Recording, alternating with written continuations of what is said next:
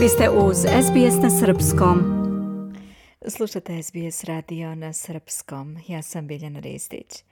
Posle dvogodišnje pauze zbog pandemije, srpska deca iz dijaspore i njihovi vršnjaci iz Beograda ponovo su zajedno družeći se na Svesrpskom dečijem saboru u Beogradu.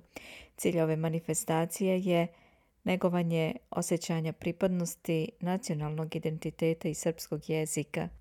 Svesrpski dečiji sabor je tradicionalna manifestacija koju već četvrti put organizuje Gradska uprava grada Beograda, Dečiji kulturni centar Beograd uz podršku Uprave za saradnju s dijasporom i Srbima u regionu Ministarstva spoljnih poslova Republike Srbije pod pokroviteljstvom predsjednika Srbije Aleksandra Vučića.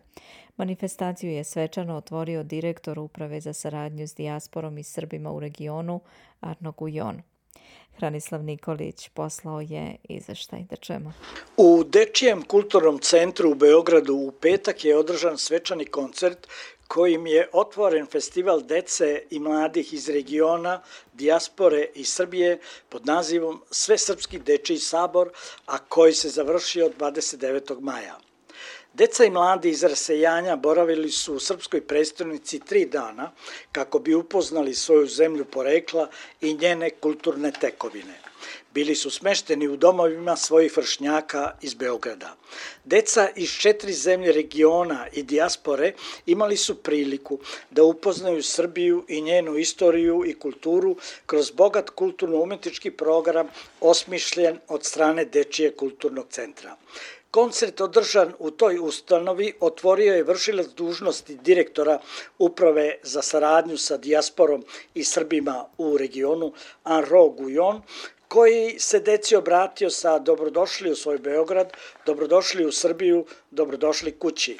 Zatim je kazao. Bez obzira na mesto gde ste se rodili, svako od vas je na neki način potekao odavde.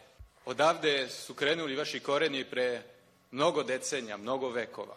I lepo je vas videti ovde sa vašim vršnjacima, vašim domaćinima iz Beograda. Ovih dana ćete lepo da se družite, da se upoznate. Možda iz tog druženja će se roditi i prijateljstvo. Ono što je najbitnije u životu i u to siguran sam ćete se uveriti u budućnosti. Prijateljstvo koje se rađa u detinstvu traje dugo. Sad ćemo da vidimo kako deca koja žive, koja su se rodila u inostranstvu, čuvaju svoj jezik, svoj identitet, svoju kulturu. Iako žive okruženi ljudima koji ne govore ni taj jezik i koji nisu nosioci te kulture. I to treba da pokaže svima nama koji živimo ovde u Beogradu, da gde god ima Srba, gde god neko govori srpski, gde god neko nosi u sebi srpska kultura, onda mi smo predstavljeni. Zato što svako dete koje nosi sve to u sebi, a živi van naše lepe zemlje ovde, je zapravo most između Srbije i sveta. Na ovogodišnjem Svesrpskom dečijem saboru učestvovala su deca iz Nemačke, Rumunije, Hrvatske i Slovenije, a domaćini su im bili učenici osnovne škole Starina Novak.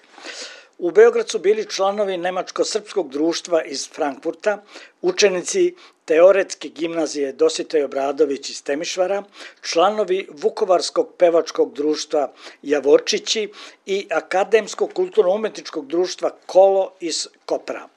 Svesrpski deči sabor je manifestacija koju organizuje Gradska uprava Beograda, Dečiji kulturni centar Beograd, uz podršku Uprave za saradnju sa dijasporom i Srbima u regionu Ministarstva spoljnih poslova Srbije pod pokroviteljstvom predsednika Srbije Aleksandra Vučića.